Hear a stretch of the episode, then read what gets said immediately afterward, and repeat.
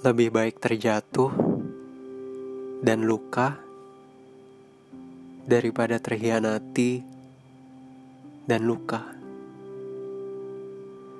Setidaknya, darah yang mengalir bisa dibersihkan, diobati, dan dilupakan.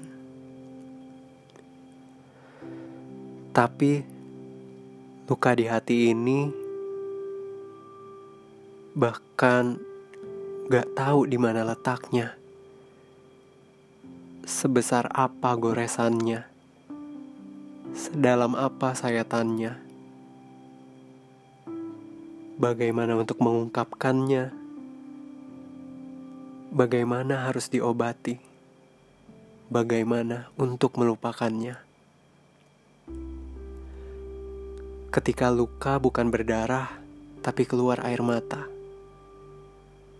sedikit air mata yang memecah keheningan, hingga raungan tangis yang memecah keramaian. Debar di dada yang membuat hilang arah, mati raga, dan bahkan mati rasa. Gila. Luka yang sejenak tak terasa ketika didiamkan. Namun, bisa saja kembali terasa dalam kurun waktu yang tidak terlalu lama, atau mungkin bisa berbulan-bulan, bahkan bertahun-tahun, atau seumur hidup. Luka yang tak tahu kapan sembuhnya. Kalau sembuh pun, apakah benar-benar sembuh? Apakah tidak ada bekasnya?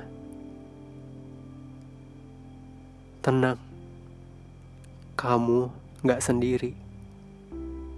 Banyak yang luka, tapi tak terlihat.